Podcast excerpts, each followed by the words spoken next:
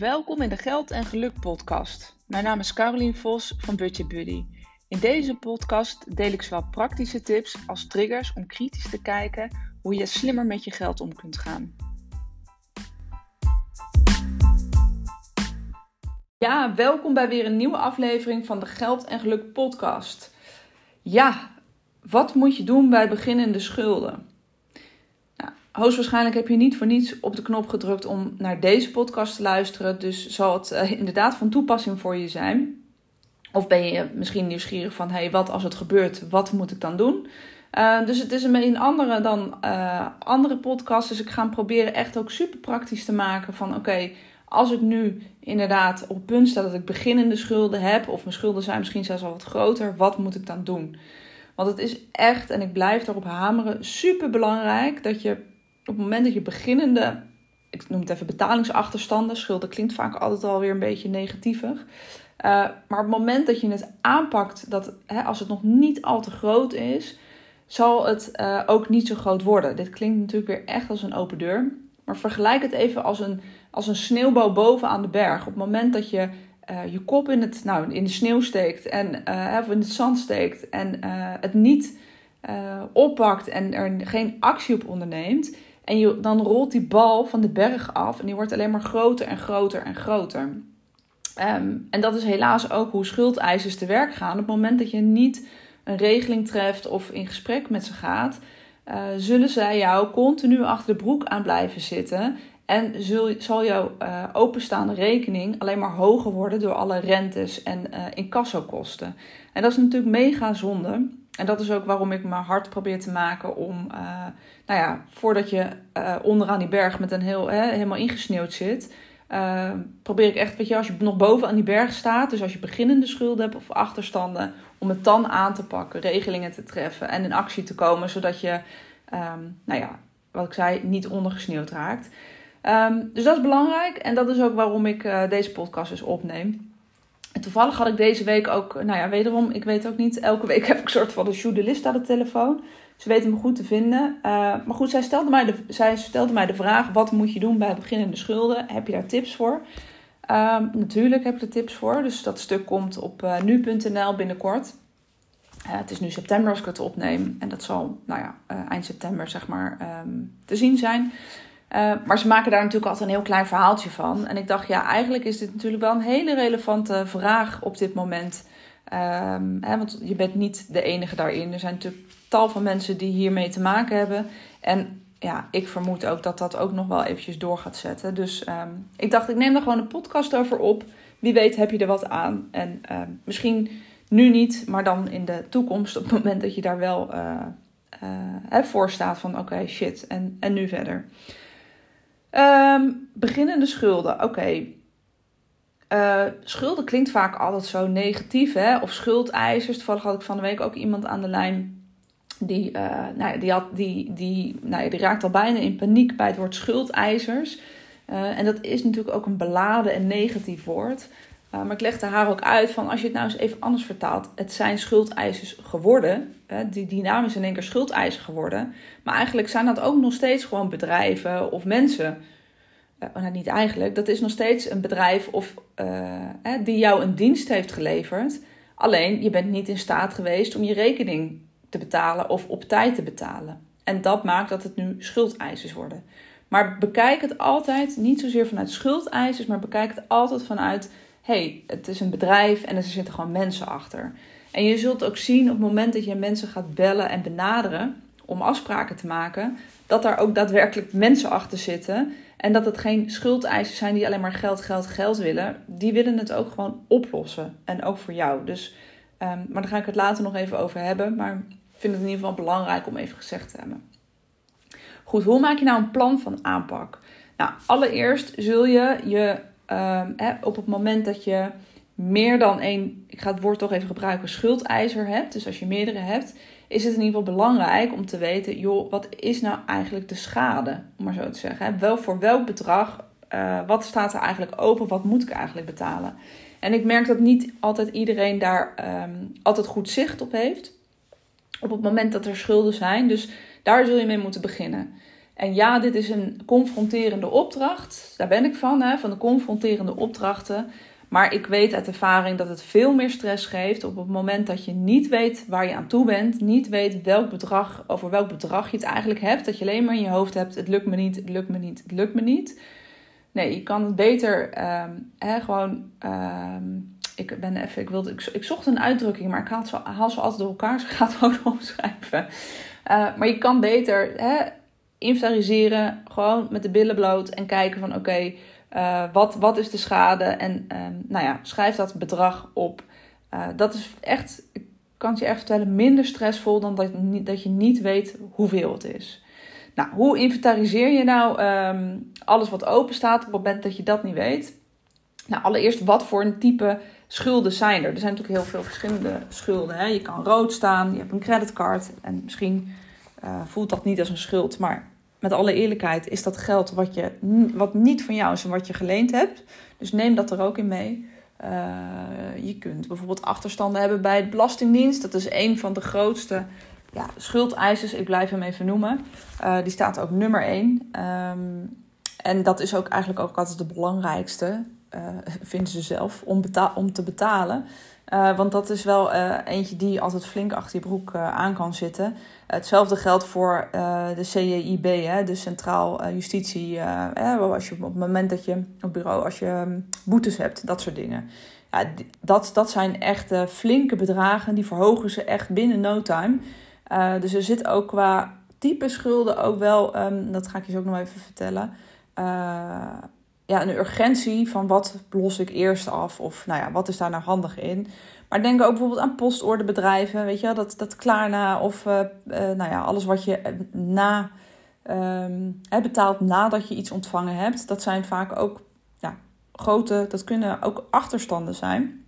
En alles bij elkaar, hè, betalingsachterstand op je vaste lasten, energierekening, huur, hypotheek, zorgverzekering. Nou, ik noem er even een aantal. Uh, een welbekende is bijvoorbeeld te veel toeslagen ontvangen. Nou, dat is natuurlijk breed in het nieuws uh, gekomen. Uh, studieschuld, dat is misschien een minder urgente, maar ook belangrijk om in je inventarisatie mee te nemen. En ik zeg minder urgent, omdat de regelingen daar natuurlijk wat relaxter zijn dan al die andere die ik net genoemd heb. maar vergeet bijvoorbeeld ook de leningen die je misschien hebt gedaan bij kennissen of vrienden niet. Dus maak daar een inventarisatie uh, van. Uh, er zijn wel een aantal sites waar je kunt inloggen om te weten van... hey, wat heb ik nou eigenlijk openstaan? Uh, dus je kunt bijvoorbeeld kijken bij, um, hoe het, op het BKR... Uh, bureau kredietregistratie, die registreert een aantal schulden, niet alles. Maar daar kun je bijvoorbeeld zien, op het moment dat je een doorlopende kredietovereenkomst hebt, of achterstand op je, op je hypotheek, um, of een autolease, dat soort dingen kan je daar uh, opzoeken. Alleen daar, daar zijn ook heel veel schulden die je niet uh, ziet. Um, en um, ja, die zul je dus zelf moeten inventariseren. Dus je zult echt even door al je lasten moeten gaan om te kijken van hé, hey, wat, waar loop ik achter? En dus inderdaad ook je, je post moeten openmaken. En dat is altijd eentje dat je denkt, oké, uh, op het moment dat je dat spannend vindt, um, zorg dat je iemand in je netwerk hebt of in je omgeving hebt die je daarbij kan helpen.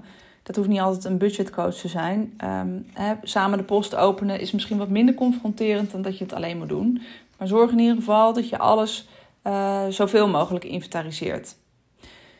Nou, what's next? What's next is, oké, dan weet je wat de schade is. Dan weet je hoeveel er open staat.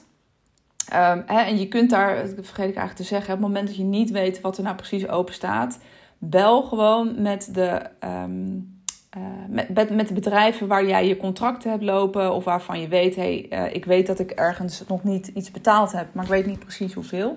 Bel ze gewoon op en ze zijn echt altijd bereid om mee te kijken en uh, jou te vertellen wat er open staat. Nou, wat ik altijd adviseer, ga niet meteen een betalingsregeling af, afspreken, maar zorg ervoor dat je het altijd eerst inventariseert, zodat je, zeker als je meerdere openstaande bedragen hebt, inventariseer het eerst, want dan kun je daarna kijken van joh, wat kan ik eigenlijk aan betalingsregeling überhaupt afspreken.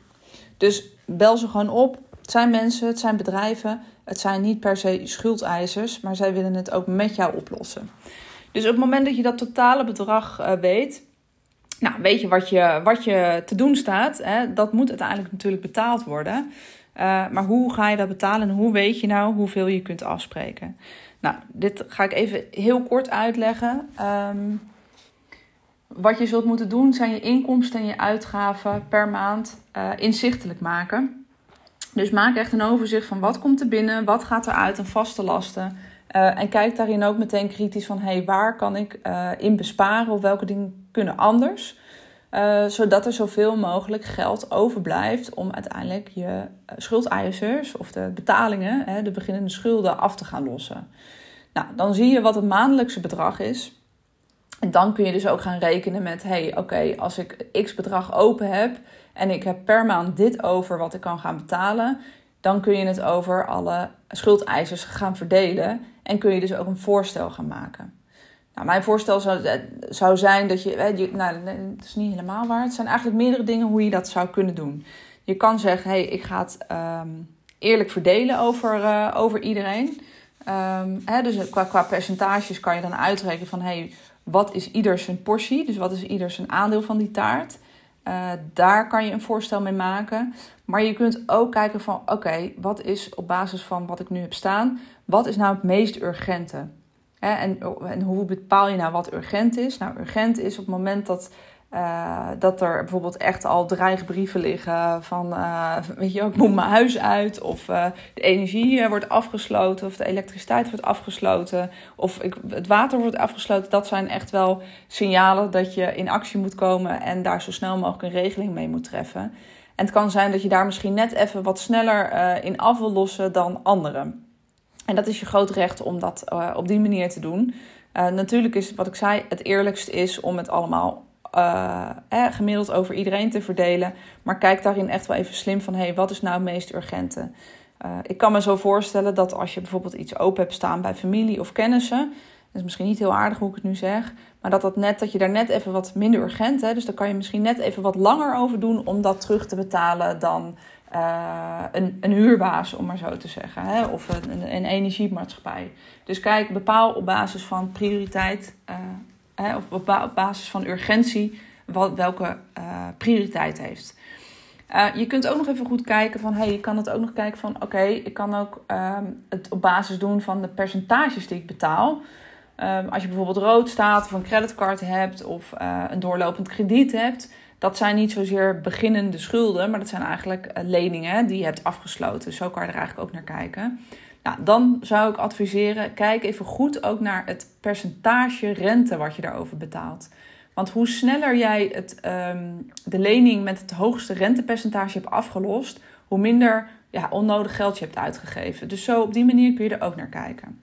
Nou, nog een derde, en die werkte eigenlijk vaak het meest motiverende, uh, is het sneeuwbaleffect. En dat betekent eigenlijk, nou, het zijn, ook weer een beetje een metafoor met een sneeuwbal. Maar begin met het kleinste uh, openstaande bedrag. En op het moment dat je dat hebt afgelost, ga je naar de volgende. En dan ga je naar de volgende en dan ga je naar de volgende. Um, ik weet uit ervaring, weet je, op het moment dat je uh, echt met bedrijven te maken hebt, um, nou, bijvoorbeeld geen, geen leningen, maar echt achterstallige betalingen. Ja, dan zal dit een lastige zijn. Want ik denk dat niet heel veel mensen akkoord gaan dat je zegt, nou sorry, maar over zes maanden kan ik pas beginnen iedereen wil, je kan dat beter maar een beetje gaan betalen. Dus het kan niet altijd. Um, maar op het moment dat je bijvoorbeeld um, een creditcard of, dat, of je meerdere creditcards hebt, is dit wel een hele goede om te doen. Dus begin dan eerst met de kleine, dan heb je die afgelost. Uh, en dan ga je naar de grote. En dan zul je zien dat dat eigenlijk inderdaad in een soort van sneeuwbal-effect uh, zal gaan. En dat heeft ook echt met een stukje motivatie te maken, waardoor het makkelijker wordt. Nou, het moment dat je dat bepaald hebt, dus oké, je weet het bedrag, je weet wat je kunt aflossen. Um, en je weet, nou ja, op basis van de drie voorbeelden die ik je net heb gegeven, hè, dus op basis van urgentie bepalen, ofwel rente, ofwel het van klein naar groot, het sneeuwbaleffect. Dan weet je dus, oké, wat zijn de bedragen per um, schuldeiser of per nou ja, bedrijf die, hè, waar je een betalingsvoorstel kunt, kunt doen. En benader ze een betalingsvoorstel. Nou, nogmaals, mijn ervaring is ook hier weer. Uh, mensen zijn altijd serieus blij op het moment dat je in gesprek gaat en met een betalingsvoorstel komt. Ik snap dat het voor jou heel spannend kan zijn, maar weet dat dat um, veel irritanter is voor een schuldeiser als ze geen contact met je krijgen en alleen maar brieven naar je blijven sturen. Dat is veel irritanter omdat ze ook geen idee hebben van hey, ontvangt iemand het wel? Uh, krijg ik mijn geld nog terug, ja of nee? En dan worden ze dus steeds uh, ja, irritanter en nou, agressief wil ik niet zeggen, maar dan worden de sancties steeds hoger. Op het moment dat jij belt of een brief stuurt um, met, um, met een voorstel. En er zijn trouwens ook gewoon mooie brieven te vinden op internet. Voorbeeldbrieven die je kan sturen. hoef je alleen even het bedrag en de, en de, um, de naam te veranderen. Uh, maar dan zijn ze altijd bereid je te helpen. Dat is in ieder geval mijn ervaring. Het moment dat je het gewoon de telefoon pakt en het bespreekt. Nou goed, en dan heb je in principe, dat klinkt misschien weer heel simpel, maar dan heb je in ieder geval een plan uh, waar je dus aan moet gaan houden. Want dat is een van de belangrijke dingen ook hier natuurlijk in. Doe wat je uh, gezegd hebt. Dus op het moment dat je die afspraak hebt gemaakt, zorg ook dat je die nakomt. Afspraak is afspraak, dus betaal ook altijd op tijd.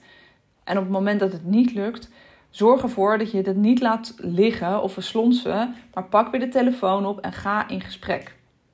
Dat is eigenlijk mijn allerbelangrijkste boodschap. Blijf in contact met mensen. Uh, hou ze op de hoogte. Ook al zijn het niet de grote bedragen die je kan betalen. Uh, elk bedrag is wat. En zo, zo kijken zij er ook naar. En ik weet het in die zin ook uit ervaring uh, niet zozeer hè, dat ik mensen natuurlijk met hun persoonlijke financiën hierbij help.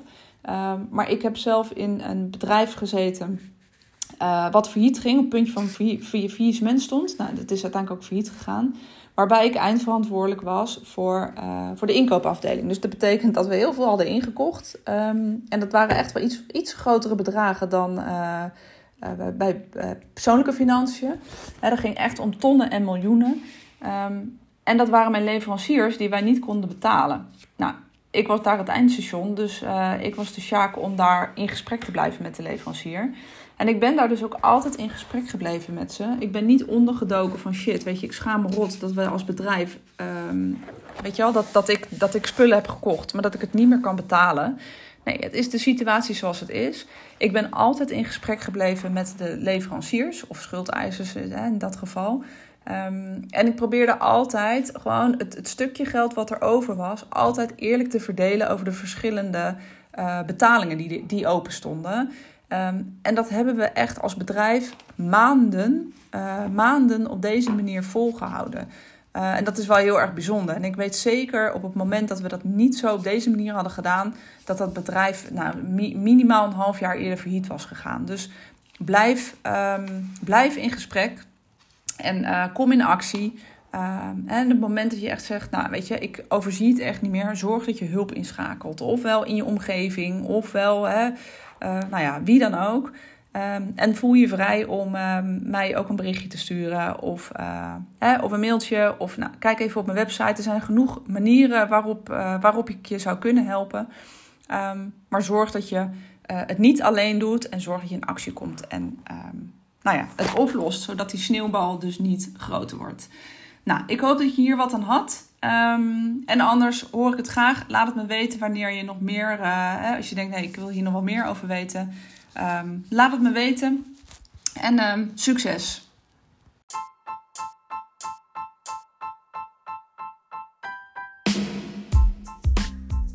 Ja, het zit er weer op. Een aflevering van de podcast Geld en Geluk. Bedankt voor het luisteren. Ik waardeer het altijd enorm. Wil je nog meer informatie of inspiratie hebben? Kijk dan op mijn website www.budgetbuddy.nl. Daar kun je onder andere mijn e-book downloaden, waar ik vijf gouden tips met je deel hoe je meer geld overhoudt om opzij te zetten. Of volg me op Instagram budgetbuddy.nl.